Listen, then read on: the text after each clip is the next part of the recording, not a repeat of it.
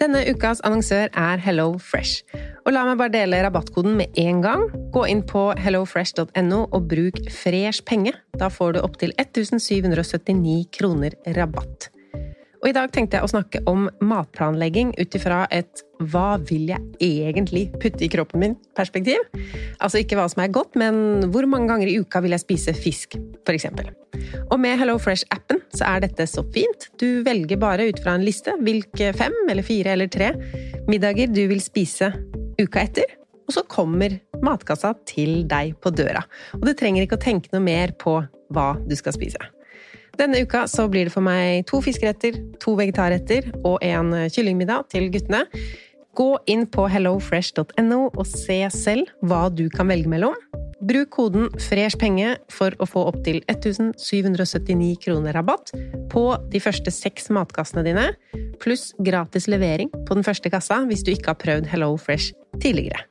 Rabatten kan du også bruke hvis du har vært kunde hos Hello Fresh, men det er mer enn tolv måneder siden.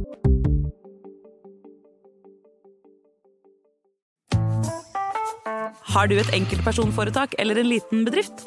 Da er du sikkert lei av å høre meg snakke om hvor enkelt det er å sende faktura med fiken. Så vi gir oss her, fordi vi liker enkelt. Fiken superenkelt regnskap. Prøv gratis på fiken.no.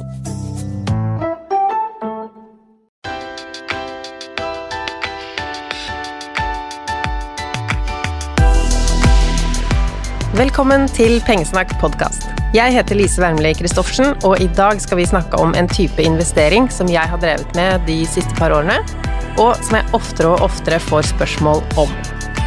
Du ser kanskje at denne episoden er merket som annonsørinnhold. Og det er fordi Cameo, som er firmaet dagens gjest jobber i, er en av Pengesnakk sine samarbeidspartnere nå i 2021. Men selv om de er det, så vil innholdet i dagens episode være relevant for alle som er nysgjerrige på crowdfunding, eller som allerede investerer i denne type prosjekter, uavhengig om du gjør det via Cameo sin plattform eller ikke. Jeg har som sagt investert i en del crowdfunding-prosjekter, men nok kunnskap om det til å dele sånn alt om det, det har jeg ikke. Så derfor er jeg veldig glad for å ha med meg Linn Hoel Ringvold i dag. Velkommen! Takk. Vi får begynne helt på begynnelsen. Hva er crowdfunding? Crowdfunding er at du samler inn penger fra en større gruppe personer eh, og bruker det på ett prosjekt eller et selskap. Sånn generelt.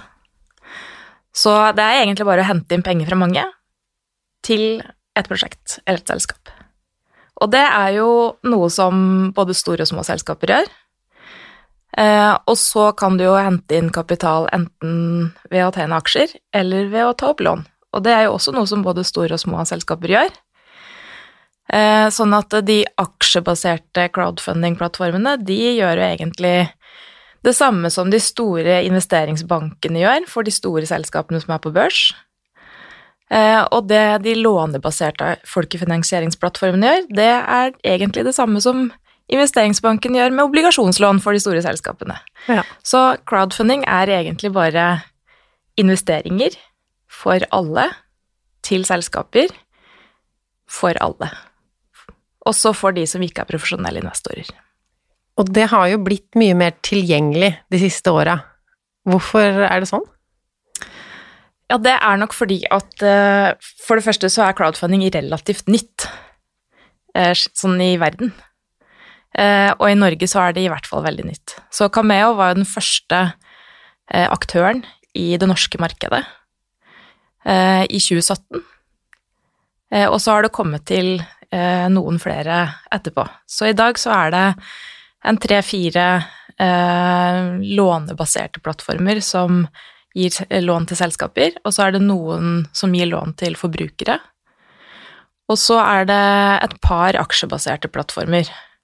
Og så består jo crowdfunding også av dette som gjelder donasjoner, så Spleis og Bidra, eksempel, som veldig mange sikkert har vært borti det siste året med koronahjelp. Ja, ikke sant, og det kan man også kalle crowdfunding, ja. Mm. Så klart.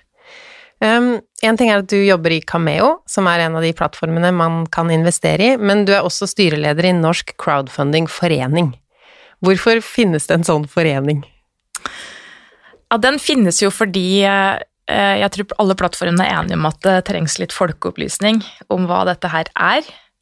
Eh, det er veldig mange engelske ord og veldig mange bransjeord, og så er det ganske nytt, og så virker det kanskje litt skummelt. Um, sånn at uh, det vokste jo fram ut ifra en tanke om at noen bør uh, snakke om det, fronte det, være synlige på det. Og så er det også sånn at når man får en ny bransje som vokser frem, så er det jo en del seriøse aktører, heldigvis, og så er det noen som kanskje ikke er så seriøse. Så det å hjelpe alle uh, opp på et nivå som er godt nok, og ha en bransjestandard som alle skal leve opp til. Det tror jeg alle har tenkt at er fornuftig og bra. Og så er det jo også sånn at fordi dette er relativt nytt, så er det jo ikke et spesielt godt regelverk for alle former for Eh, crowdfunding eh, fra før. Og da trengs det noen som kan fortelle politikerne hva det er som mangler, og hva det er som ikke funker så bra. Så delvis så er det et regelverk som funker helt fint. Eh, for aksjebaserte løsninger i dag så er det jo verdipapirlovgivningen som gjelder, og det funker fint, sier de som driver med det. Mens for lånebaserte eh, plattformer så er det egentlig ikke noe samla regelverk, som har vært ganske utfordrende. Eh, som har gjort at eh, det har vært uoversiktlig, vanskelig å vite hva, som, hva som egentlig gjelder. Så kommer det nye rundskriv, og så snur det opp ned på alt. Og så er det kanskje ikke så hensiktsmessige reguleringer heller. Og da er jo foreningen et talerør inn mot politikere og media for å sette fokus da, på de endringene som vi mener at trengs. Nå har heldigvis EU kommet uh, to the rescue med et regelverk som nå er under uh, vurdering i Norge gjennom verdipapirlovutvalget. Så det, det blir, kommer til å bli bedre enn det er. Men de som har prøvd lånebasert folkefinansiering, de vil jo være kjent med f.eks. at man ikke kan investere mer enn 1 million kroner per år som er en sånn særnorsk regulering som vi håper at vil forsvinne med den EU-lovbaserte reguleringen. Ja, for dere ønsker en type regulering av bransjen? Ja, det, det gjør vi. Ja. Det vi skal snakke mest om i dag, er den uh, lånebasert folkefinansiering. Og jeg som investor ville kanskje tenkt at når jeg beveger meg vekk fra fond og skal investere i noe annet, så er det vanskelig og komplisert, og jeg vet ikke hvor jeg skal få tak i det, eller hva jeg skal gjøre. Men så har dere gjort det ganske enkelt? Ja, vi syns det. Um, det er jo enklere å investere i lån via folkefinansieringsplattformer enn det er f.eks. å finne obligasjonslån som man vil uh, ha lyst til å investere i. Um, så det som folkefinansieringsplattformene gjør, og det som vi i Cameo gjør, er at vi åpner opp muligheten for å investere direkte i prosjekter og selskaper. Eh, og det gjør jo at eh, altså For det første så syns jeg det er gøy, da.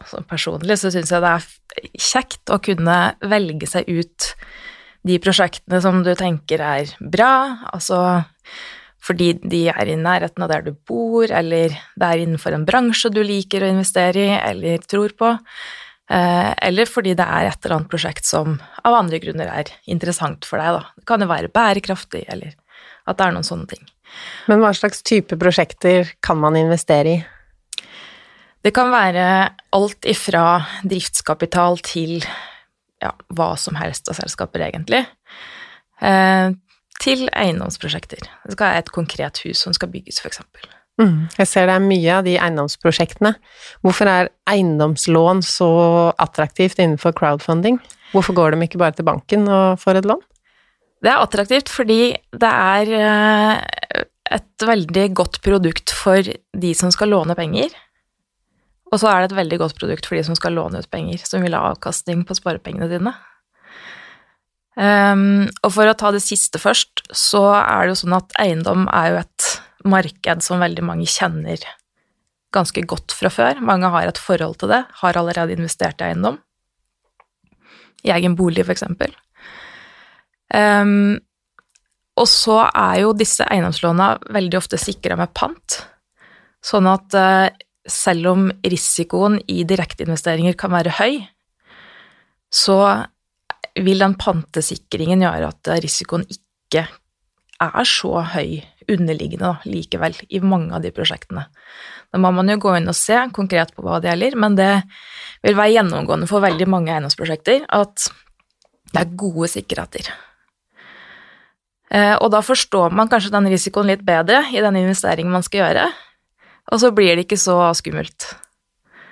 Um, og så i tillegg, så, eh, som jeg sa, så er dette attraktivt for de som skal låne penger også, fordi det er ikke bare å gå til banken og låne penger. Og det er jo et spørsmål som vi veldig, veldig ofte får. Um, hvorfor går de ikke bare til banken og låner penger? Uh, ja, veldig mange gjør det også. Sånn at eh, ganske mange, eh, og kanskje særlig eiendomsutviklere, bruker eiendoms, folkefinansiering som et supplement til banklånet. Fordi at banken er underlagt en del reguleringer eh, som begrenser når de kan låne ut kapitalen, og hvor mye de kan låne, hvor stor eksponering de kan ha i et konkret prosjekt mot en konkret låntaker og i en konkret bransje. Sånn at uh, summen av de begrensningene gjør at bankene som jo også låner ut sin egen balanse. De låner jo ut, de bruker jo eh, innlånte midler fra sine kunder også når de låner ut penger. Eh, og derfor er det strengere krav da, til hva de kan låne ut. Mens vi har større fleksibilitet, så for folkefinansieringsplattformene så er det egentlig et spørsmål om prising. Du må vurdere risikoen i hvor tidlig i fasen går du inn, eh, hvor mye forhåndssolgt har vi satt krav om at det skal være i prosjektet, hva slags sikkerheter har vi egentlig? Eh, hvor langt har de kommet, og hvor, hvor erfarne er de? Og så setter vi en pris på det, som er renta som investorene får. Um, og det betyr at den fleksibiliteten, da, den kan jo låntakeren da utnytte i å få tidligere lånefinansiering. De kan få mer lånefinansiering, eh, og de kan gjøre en tidligere exit på Eh, salgsinntektene sine på prosjektet, som gir totalt sett låntakeren en mye bedre avkastning på egenkapitalen i prosjektet enn de ville fått uten denne ekstra lånfinansieringen. Så når, mange, når folk sier at 10% rente, 11% rente, hvorfor låner de ikke bare banken? Er, det bare, er dette drittprosjekter? Eh, så er det ikke det.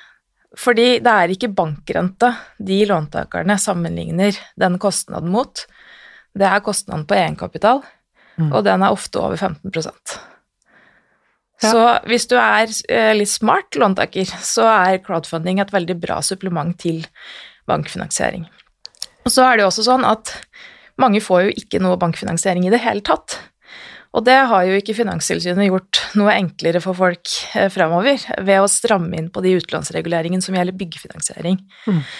Eh, så de risikovektingsreglene som nå gjelder for byggefinansiering, gjør at det vil være vanskelig for mange eh, utviklere, eiendomsutviklere, å få banklån fremover. Fordi de typiske nisjebankene som gir byggefinansiering, de vil ikke ha tilstrekkelig eh, grunnkapital til å kunne gi mer lån.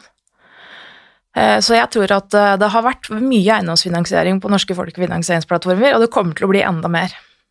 Bra svar, fordi det er jo lett som privatperson eller utlåner å tenke at den høye renta, det må jo være en voldsomt stor risiko her. Og at hvis banken ikke gir dem lån, hvorfor skal jeg satse mine penger? Mm. Men så ser man jo òg på de risikoklassene som dere klassifiserer, og at det er jo høyere rente for oss og for de, eh, jo mer risiko det er, og kanskje også hvor tidlig prosjektet det er. At hvis du låner pengene dine i mange år, så får du jo også bedre betalt for det, da. Mm. Og så er det en fleksibilitet til disse produktene som er attraktive for låntakerne. Eh, F.eks. at du kan innfri når du vil. Eh, du kan refinansiere med banklån når du kommer til et steg i prosessen hvor banken er villig til å gi deg lån. Eh, sånn at den fleksibiliteten som ligger i produktet, den gjør jo dette til veldig attraktive ting for de som skal bygge ting over tid. Og det tror jeg er derfor du ser så mye eiendom. Det er jo ikke bare i Norge at eiendom er et attraktivt marked for folkefinansiering. Det er sånn globalt. Og så er det jo noe man ser på som tryggere, kanskje, da, enn selskap man ikke har noe som helst bakgrunn for å klare å verdisette eller skjønne seg på selv, men eiendom, i hvert fall i Norge, og man tenker på det er sånn trygt og godt, og det skal veldig mye til for at hele eiendomsmarkedet kollapser, og at man skal miste disse pengene. Ja, altså Lånet skal jo tilbakebetales på et tidspunkt, og da er jo den exiten som man beskriver i prosjektet, avgjørende, tenker jeg da. Um, så hvis du tenker at dette bør være rimelig lettsolgt, ja, da vil jo den cashen antageligvis komme. Og da, så lenge det kommer cash inn, så vil jo det lånet bli tilbakebetalt. Um, og skulle det ikke bli solgt, så jo, kan du jo tenke på et sånn type lån nesten som ninja-lån, altså no income eh, asset-backed lån. Eh, at eh, om ikke annet så har du i hvert fall den faste eiendommen. Og det plattformen da gjør, hvis lånet skulle gå i mislighold, er jo å selge den. Sånn at inntektene fra det salget vil jo da dekke hele eller deler av lånet, avhengig av hvor god, hvor god sikkerhet du har, da, altså hvor stort lånet er mot den verdien du får på eiendommen når du selger den. Ja, for det er jo en av fordelene crowdfunding har over eh, aksjer, for eksempel. Du er jo ikke Du må jo ikke sitte og håpe på at selskapet skal gjøre det så mye bedre enn forventa. Mm. Du må jo bare sitte og håpe på at de ikke går konkurs, eller ikke får solgt, eller at de, ja, at de klarer å tilbakebetale lånet sitt. Ja, og en annen fordel med lånebasert er jo at du, det er mye lettere å vurdere verdien av investeringen din. Fordi at du Når du gir lån, så vil du jo alltid Altså i utgangspunktet så skal du da få tilbake lånet pluss den renta som er fastsatt på forhånd. Og så har du noen sikkerheter som er stilt for det. Eh, og da sier jeg at du har noen sikkerheter, fordi i hvert fall i Cameo så har vi bare sikra lån. Jo, man må jo sjekke, da, for det er jo ikke alle plattformer som har det. Eh, men hvis du har sikkerheter, så kan du jo se hva, er, hva slags type sikkerheter er det. Eh, og da tror jeg de aller fleste har et forhold til om Hvis du har pant fra første krone til fem millioner i en eiendom som ligger på røda, ja, da kan du tenke deg om er det sannsynlig at jeg får tilbake de penga eller ikke, hvis plattformen må tvangsselge den. Men hvis du har eh, sikkerheter i et varelager da, som består av Eh, noe som går ut på dato, f.eks., så er det litt annerledes. Eller hvis du har sikkerheter i fordringer, altså factoring-pant, eh, i en virksomhet, altså hvor mye vil de være verdt hvis dette her går over ende? Da får man jo gjøre seg opp noen tanker om det. Men jeg tror at det, akkurat det der er jo noe av grunnen til at eiendomsinvesteringer særlig dominerer dette markedet, fordi det er, for det er lett å gjøre seg opp en oppfatning om hva er egentlig risikoen og den underliggende verdien i investeringen min. Når du investerer i aksjebasert crowdfunding, så må du jo stole på en verdsettelse på selskapet, og det er jo kjempevanskelig. Ja, det blir mer å spå framtida. Ja. Men når man ser ehm, på de lånebaserte, da, så ser jeg på renta, og så tenker jeg jo høyere rente, jo mer risiko. Er det helt riktig, eller blir det feil å tenke det så enkelt? Det er jo en sammenheng der, um, men så er det ikke helt nødvendigvis helt svart-hvitt. Um, fordi at eh, noen ganger så er det veldig viktig for lånekunden å uh, fylle lånet 100% De trenger alle penga, og de har egentlig ikke noe annet alternativt sted å skaffe den kapitalen. Uh, og det hjelper ikke hvis, du, hvis prosjektet ditt koster 10 millioner å bygge, så hjelper det liksom ikke om du får sju, for du mangler fortsatt tre. Så i de tilfellene så vil det være mindre aktuelt for både låntakerne å ta opp et lån som ikke fylles, men også for plattformen å faktisk betale det ut. Da. At man stiller som vilkår at det skal være fullfinansiert før vi utbetaler det, egentlig. Ja, Og da må dere ofte sette en høyere rente for ja, da, å få folk med? Da kan det være lurt å sette en litt høyere rente enn det vi egentlig tenker er riktig pris, for å øke appetitten da, hos mm. investoren. Men, men, det er en sammenheng der. Og i ut, utgangspunktet, når vi vurderer lån Vi har jo en kredittkomité, så vi, når vi vurderer lånsøknader, så jobber vi jo veldig likt som en bank. Um, og da har vi jo en analytiker som sitter og innhenter all informasjon, som vurderer alle tallene, ser på prosjektkalkylen, ser på likviditetsstrømmen, Og så diskuterer vi dette her i en kredittkomité hvor vi har folk med byggeerfaring, med eh, kreditterfaring, um, med juridisk erfaring. Uh, og så uh, har vi en, et utgangspunkt, en, liksom en uh, matrise for hvordan vi vurderer risiko. Og så er det den matrisen og hvordan du liksom faller ut i den vurderingen, som danner utgangspunktet for rentefallstettelsen og for det vi kaller risikoklasse. Da. Vi setter en sånn risikoklasse ATE. Så um, ja, du kan si at i utgangspunktet så skal renta speile risikoen, sånn at du får en fair pris. Du skal ha en fair avkastning. Uh, og da vil, renta, da vil risikoen være veldig Ha en stor innvirkning da, på den prisen. Men samtidig så hender det at man gjør justeringer, eh, og da kan den risikoklassa gi deg en bedre indikasjon, kanskje. Ja. Du sier dere sitter og vurderer disse lånesøknadene. Er det sånn at alle får lån? Nei, de fleste får ikke lån. ikke hos oss heller. Nei. Har du noen eh, sånn andel hvor mange som Jeg tror vi sier, vi sier nei til en 92-93 Oi. Ja. ja. Hm. Og på den andre sida, da, er det sånn at hvem som helst kan investere i de prosjektene? Ja, hvis du ikke står på noen sanksjonslister eller driver med noe hvitvasking eller noe sånt, så kan, du, så kan hvem som helst investere. Og hvem er den typiske investoren? Er det sånn som meg, eller er det selskaper, privatpersoner, tradere? Det er alt mulig, men det som nok er felles for de, er at de er litt sånn frampå når det gjelder investeringer, eh, fordi det er litt sånn relativt nytt. Så de fleste som investerer i crowdfunding, de har også investert i andre typer ting, da. Det kan være fond, eller det kan være andre typer direkteinvesteringer.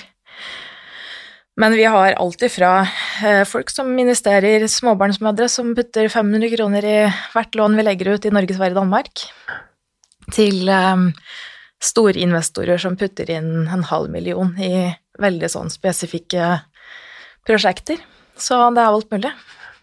Grunnen til at jeg investerer gjennom eh, crowdfunding, er jo at man føler så tilknytning til prosjektet, da, at jeg veit akkurat hva mine penger skal brukes til, at jeg er med på en verdiskapning.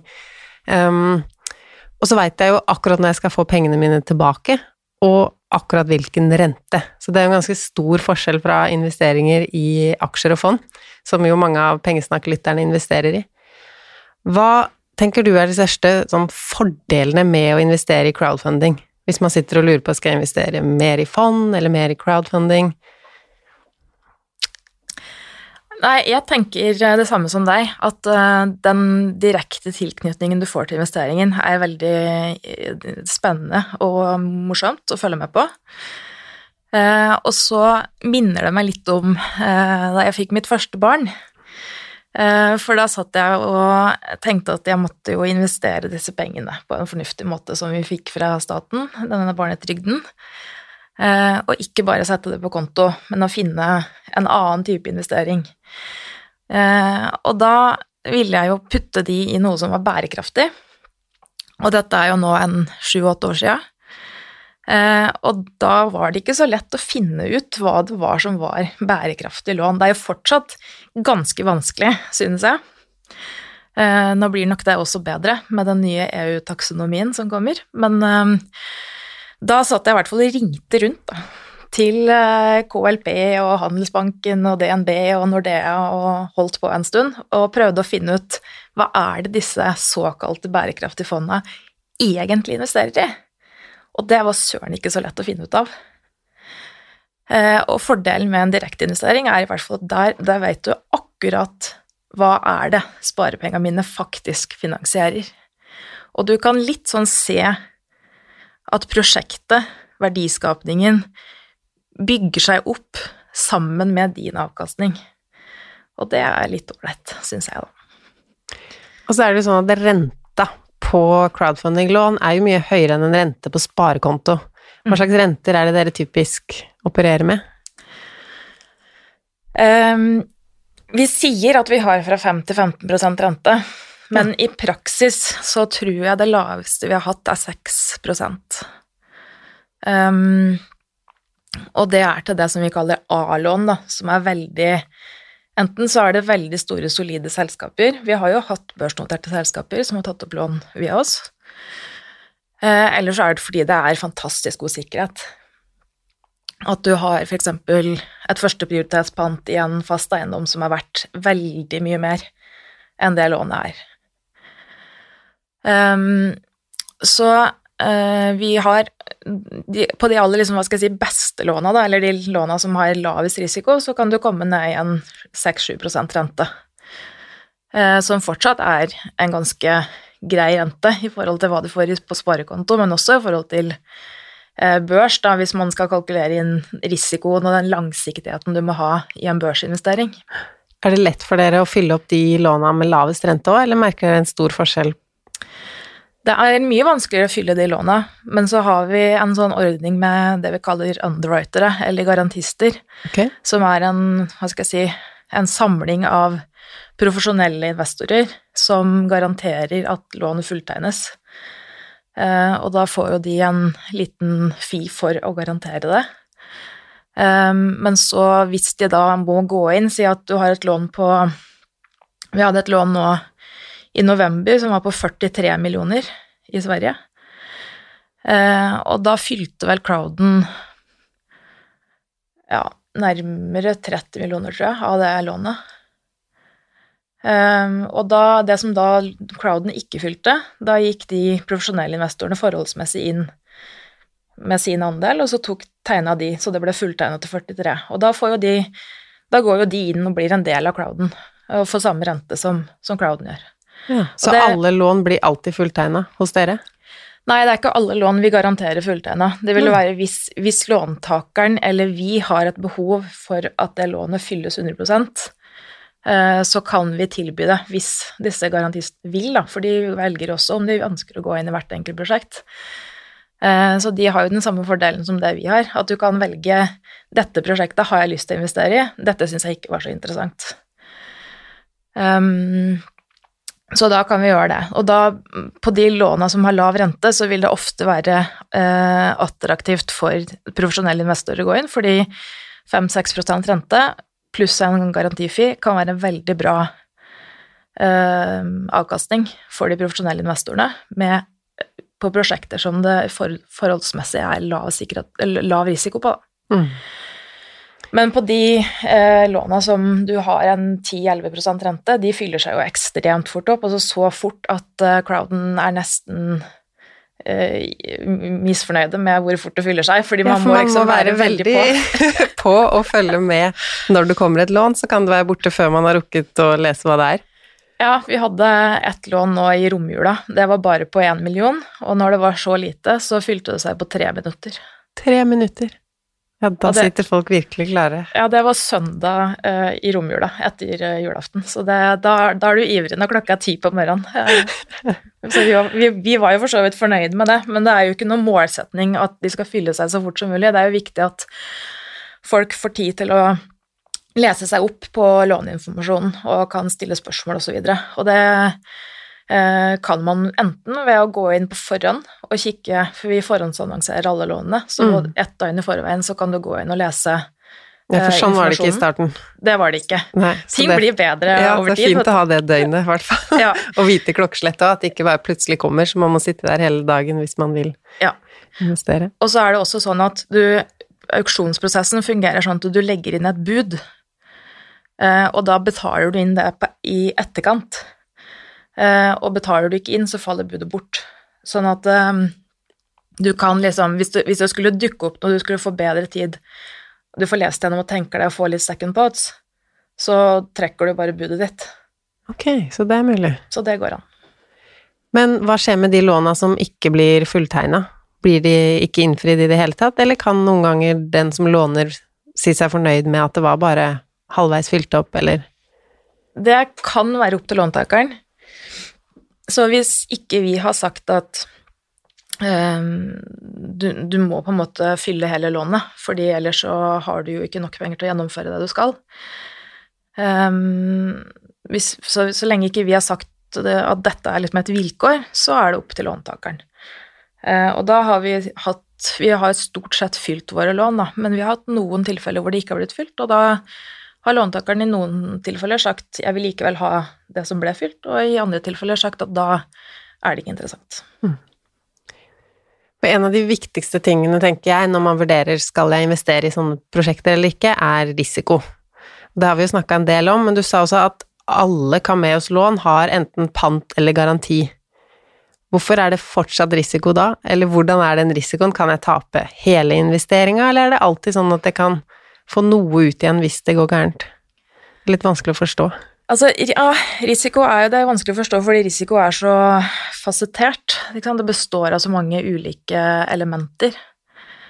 Um, så du har jo I utgangspunktet så kan man tenke seg at man har risikoen for at låntakeren ikke betaler tilbake.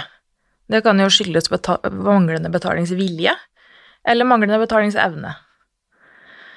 Um, hvis det er viljen det står på, så er det jo ofte kan det løses over tid, ikke sant, for da legger man press på låntakeren, og så får, kommer det etter hvert betalinger. Hvis det er evnen, så kan det være vanskeligere. Så da må man jo se om det finnes løsninger, om kan man uh, refinansiere det, kan man uh, selge av noe eiendeler eller deler av virksomheten, eller uh, kan man gjøre noe for å sette det i stand til å betjene gjelda si. Eh, hvis de ikke kan det, så går det jo konkurs. Og da er jo det en veldig sånn lovbestemt prosess for hvordan det skal fungere, og da er du jo helt avhengig av å ha sikkerheter i praksis for å få noe særlig tilbake. Eh, og så er det jo, eh, når det da kommer til de sikkerhetene, da, er det jo en annen risiko, egentlig, som kicker inn, for da er det jo risikoen for hva vil dette være verdt i en tvangssituasjon? Um, og der er det jo alltid fra denne altså tomta på Røa, liksom, til vannflasker på et lager. Sånn at eh, Eller, eh, eller det kan være en kausjon fra et veldig solid selskap, som for eksempel er Det kan være fra en morselskap til entreprenøren, hvis det er et byggeprosjekt. Eller det kan være morselskapet til låntakerselskapet, som kan være et solid og veldig bra selskap. Eller det kan være en kausjon fra eieren, som kan være en småbarnspappa, ikke sant. Mm. Så det høres jo trygt ut med de sikkerhetene, men er det en sjanse for å få null kroner tilbake når jeg investerer? Det er jo det. Mm. Det er det. Så du må gå inn og se hva tror jeg dette vil være verdt hvis dette skulle gå gærent. Og det er jo den samme øvelsen som vi gjør når vi setter risikoklasse og rente. Så hvis vi mener at det er høy risiko for at det vil kunne bli betalingsmislighold, f.eks. at exiten som er planlagt, ikke vil funke, eller hvis det er driftskapital, at vi ser at her er det noen risikoer i forhold til konseptet eller forretningsmodellen, et eller annet som hvis noen samfunnsrisikoer kicker inn, så vil ikke likviditeten bli som forutsatt, f.eks. For uh, ja, da er jo det avspeila i renter og, og, i risikoklasse. Så hvis vi har ment at det er høy risiko for at du ikke får tilbake pengene dine eh, på tid eller i det hele tatt, da vil det være veldig høy risikoklasse og høy rente. Og så i praksis så vil vi jo si nei da, til de, til de, til de casene. Men ja, går du inn og leser du kan, På plattformen så ligger det ute ganske mye informasjon om eh, prosjektet og om eh, om selskap som skal ta opp lån. Eh, hvis det er andre som skal stille sikkerheter, så er det jo som regel informasjon om de. Eh, og så er jo sikkerhetspakka beskrevet. Eh, og da er det jo lurt å finne ut av i hvert fall hva er forskjellen på første og andre prioritet. Eh, og hva er forskjellen på en andre prioritet som ligger bak et relativt lavt beløp kontra et stort beløp. Eh, og så er det jo selvfølgelig Altså, hvis du har garanti fra veldig solid, et veldig solid selskap, så er jo det noe helt annet enn hvis du har en kausjon fra en person som, som er eier. Eh, eierne går, vil jo veldig ofte strekke seg ekstremt langt for å redde virksomheten. Eh, og da er det jo ikke så veldig mye igjen å betale den kausjonen med, hvis det ansvaret skulle materialisere seg. Sånn at um, du må gå inn og se hva er konkret i dette prosjektet sikkerhetene for å vurdere risikoen. Eh, men i utgangspunktet så, så vil plattformens rente og risikoklasse kunne gi deg en god veiledning, da. Men hvordan er det med mislighold og tenk nå under koronakrisa, er det mange selskap som ikke betaler tilbake disse låna, eller hvordan ser det ut, har du noe statistikk, eller? Um, generelt i Norge så har det vært helt utrolig bra. Det, jeg har hørt at det er noen lån som er tapsutsatte, um, men hos Cameo så har vi hatt null mislighold um, som følge av koronakrisa. Faktisk i det hele tatt. Vi har jo lånt ut over 1 milliard til 350 prosjekter siden vi starta opp i 2016 over hele Skandinavia, og av alle de prosjektene så er det ett lån. Et enkelt lån? Et enkelt lån som ikke er blitt uh, tilbakebetalt, og som nå står som tapsført.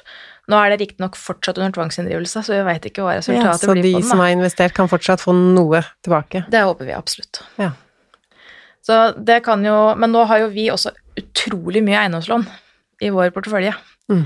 Så 90% omtrent av det vi har lånt ut, er til eiendom. Eh, og totalt så har det vært fem saker som har gått i en eller annen form for mislighold. Eh, men disse fire andre, da, de har eh, blitt avslutta med tvangssalg eller konkurs eller på annen type måte som har gitt full tilbakebetaling med renter og forsinkelsesrenter til investorene, så der har vi ikke tapt noen ting. Jeg ser at det er litt ulike typer lån, altså noen av låna man investerer i, får man utbetalt renter hver eneste måned, og så helt på slutten av lånet så får man tilbake den investerte summen. Mens mm. andre lån så får du litt av den investerte summen hver måned. Kan du si noe om forskjellen på det, eller er det noe det virker jo fint å få ta liksom litt med litt hele veien, at det, risikoen blir mindre av det, men så er det jo flest lån med, av den andre typen, da. Ja, det, altså rentebetalinger, det tror jeg alle plattformer har hver måned. I hvert fall så har i Cameo så har alle lån månedlig rentebetaling, uansett hva slags type lån det er. Men så er jo det du nevner, da, den tilbakebetalinga av investeringen din. Um, og der er det sånn at vi skiller mellom det vi kaller bulletlån, som hvor alt tilbakebetales på slutten, eh, og det som kalles amorteringslån, hvor du betaler tilbake litt, gjerne hver måned, eller kvartalsvis. Eh, og det er helt riktig at risikoen din går jo ned. Hvis du har fått tilbake noe, så har du jo fått, da vet du i hvert fall 100% sikkert at du fikk tilbake akkurat det.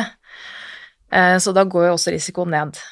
Men så er det også sånn at hvis poenget med lånet ditt er at du skal bygge noe som du skal selge, og så får du en inntekt fra det salget, så vil jo det salget komme på slutten av prosjektet. Ja. Så for byggelån så vil det veldig ofte være sånn at det er bulletlån. Eh, du får månedlige rentebetalinger, men hele tilbakebetalinga av det du lånte ut, kommer på slutten. Og måten vi tar ned risikoen i de prosjektene på, er at vi Låntakeren kommer jo til oss med et lånebehov, og si at det lånebehovet er 30 millioner, da. Eh, og da er det ikke sånn at vi låner ut 30 millioner på dag én. Vi legger ikke ut et lån på 30 millioner på plattformen og sier 'fyll opp dette' for dette, hele dette prosjektet. Det vi gjør, er at vi ser på prosjektet, hvordan, liksom, hvordan er byggetrinnene i prosjektet, akkurat som en byggebank ville gjort. Uh, og så ser vi at her er det noen naturlige liksom, milestones. Det skal betales uh, sånn og sånn til den og den leverandøren her i april, og så skal det betales sånn og sånn i juli, og så skal det betales sånn og sånn i september. Uh, og så ser man at på slutten så vil man kanskje begynne å kunne forskuttere noe betalinger av den exiten fordi du får, begynner å få en del salg. Og da brekker vi opp det lånet på 30 millioner, eller det lånebehovet, da, kan du si, på 30 millioner, i mindre lån. Så da legger vi kanskje ut 5 millioner først, som går til liksom første delen. Ja, det har jeg sett. Nå skal vi støpe grunnmuren. Ja. Mm. Og så følger vi de opp. Da, ofte så drar vi på site og ser har de bygget noe, og ja. ser det bra ut. Og så, hvis det ser bra ut, og de har bygget, eh, så får de neste transje. Som, som, er liksom neste lån, da.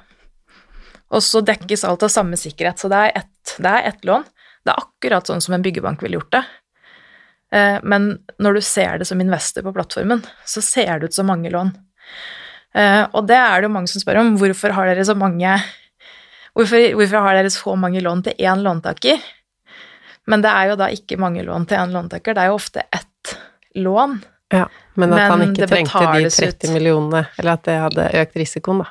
Det, tar, det er egentlig en veldig fin løsning, fordi den måten å dele det opp i transjer på, det tar ned risikoen for investorene, og det tar ned kostnadene for låntakeren, som in the end of the day selvfølgelig også er bra for investorene. Mm. Når det gjelder investering for privatpersoner, vet ikke om du er rett til å svare på det, men mange sammenligner jo det her med fond. Skal jeg investere i fond eller crowdfunding? Skal jeg blande begge investeringsformene? Har du noen tanker om portefølje eller noen råd på Burde man gjøre bare det ene eller det andre?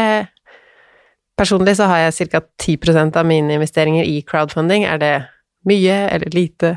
Er det Nei, mulig mulig å er- si noe? Du er jo spot on, så du er jo, har jo tydeligvis lest deg opp. Det, det er litt tilfeldig. Nei, altså, eh, fond er jo en kjempefin eh, måte å investere på for å få bedre avkastning enn du ville fått i banken, eh, som er mye enklere enn å investere i direkte aksjer på børs, og også mindre risikofylt, fordi du får en spredning. Så kjøper du Når du kjøper fond, så kjøper du jo aksjer, men du kjøper det gjennom fond.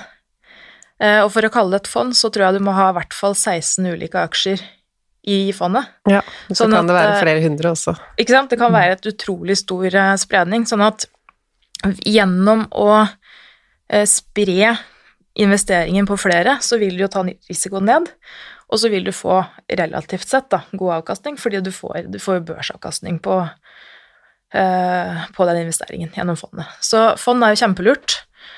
Eh, jeg har selv også eh, ja, ganske mye av min portefølje i fond. Mm.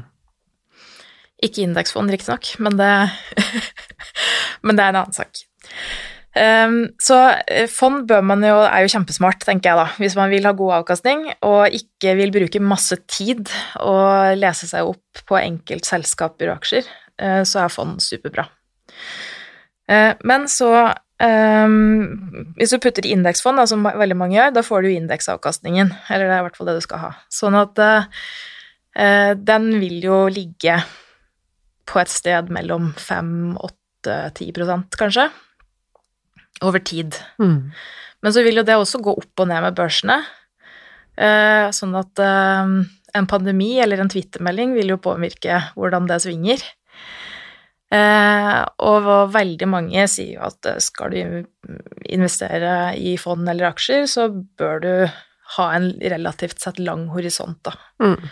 Fem til sju år, eller kanskje enda mer. Ikke sant. Så det som crowdfunding eh, gir deg, i tillegg til det her med at du kan Du vet akkurat hva penga dine går til, du kan følge med på prosjektet. Eh, plattformene er i, i noe varierende grad, men relativt flinke til å gi oppdateringer på hvordan det går med prosjektet. Så du kan lære ganske mye om hvordan fungerer egentlig investeringer i praksis? Hvorfor er dette et gigamarked?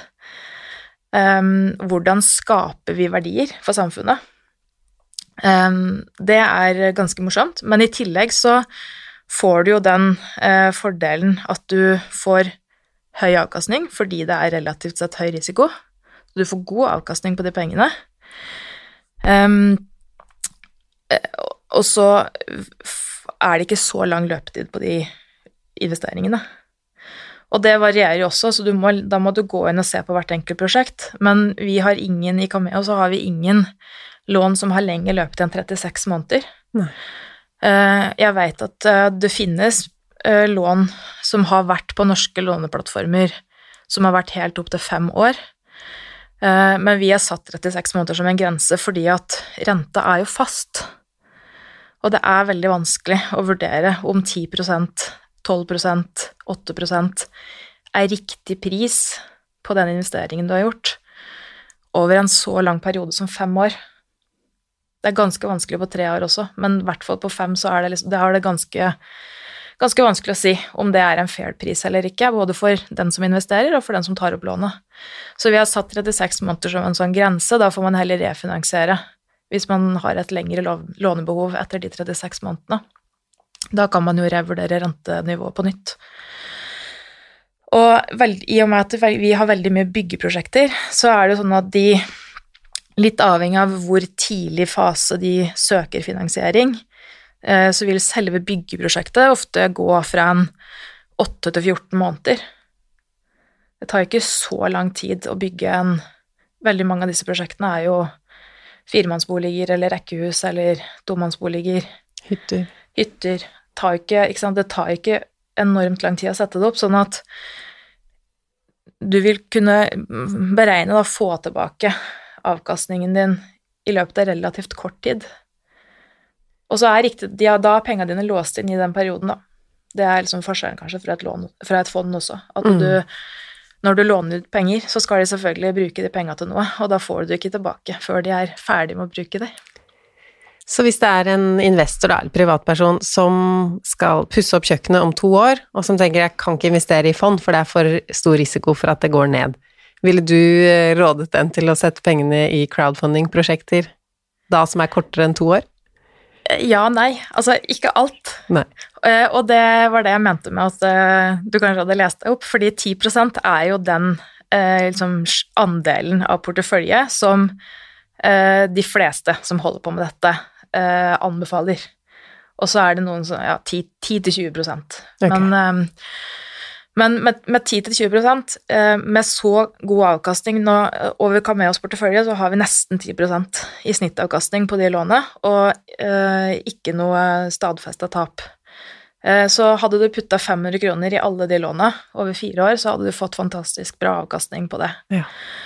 Um, så ved å investere noe i høyrisiko, risiko, så vil du jo få en pen effekt på hele porteføljeavkastningen din.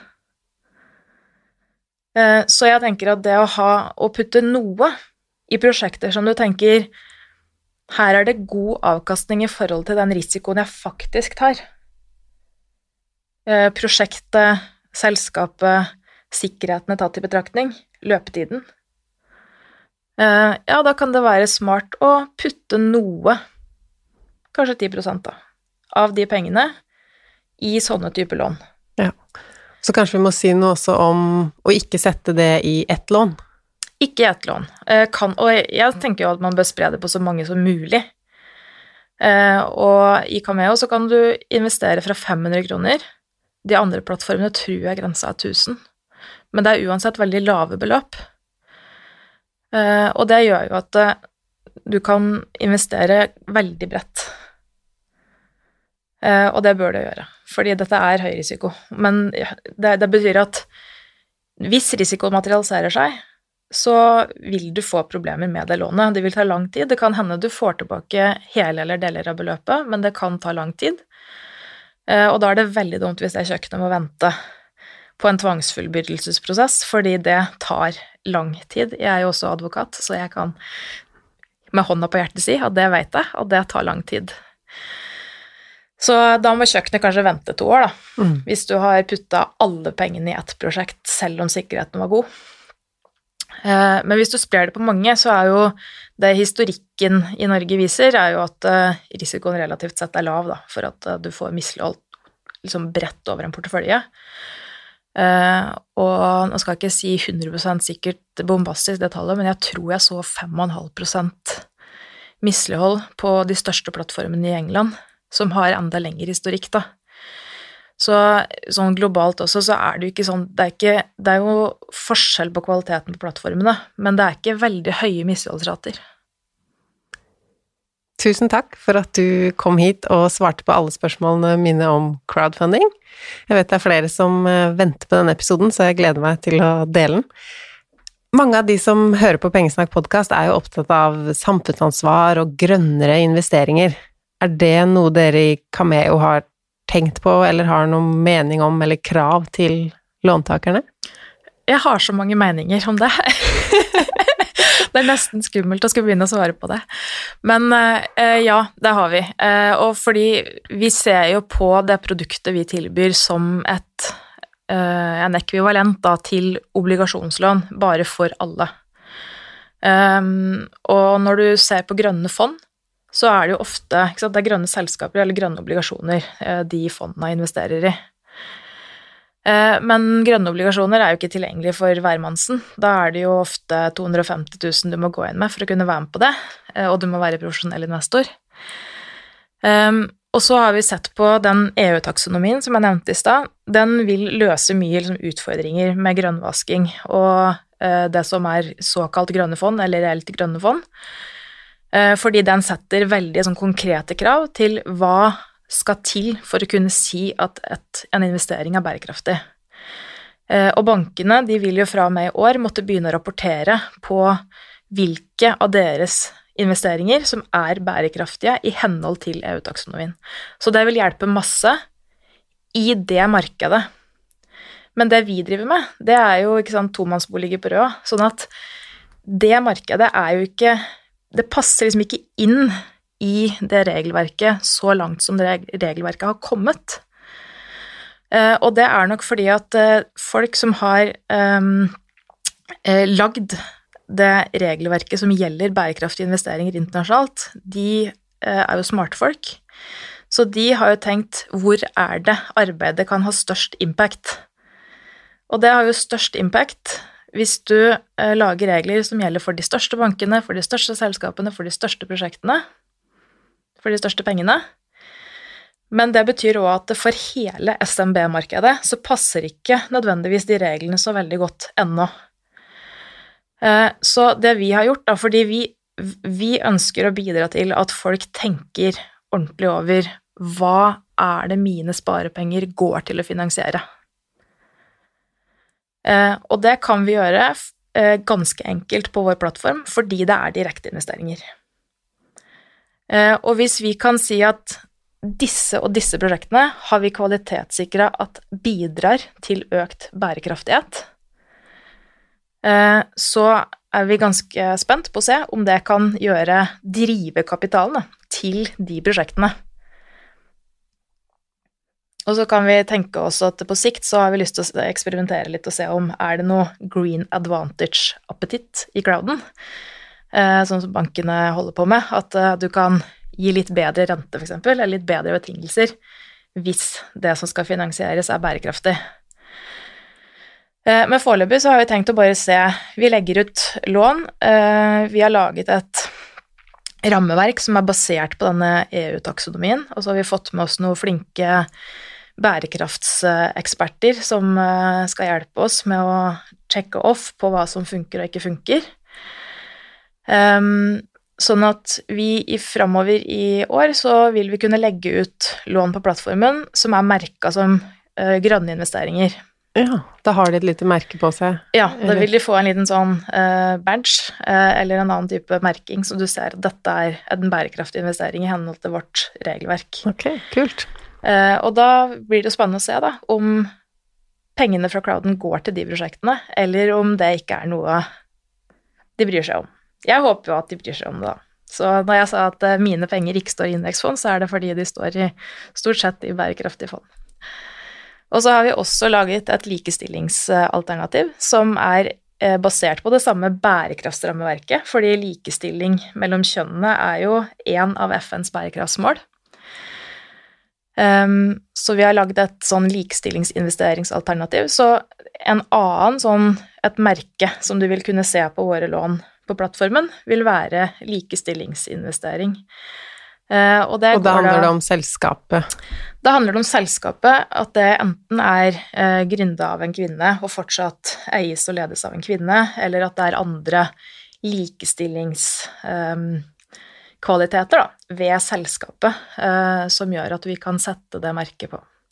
Så hvis man er nysgjerrig på å lese mer om det, det har vi utvikla samarbeid med Ski, Um, så hvis noen har lyst til å lese mer om det, så er det bare å klikke på bærekraft nederst i futteren på hjemmesida vår.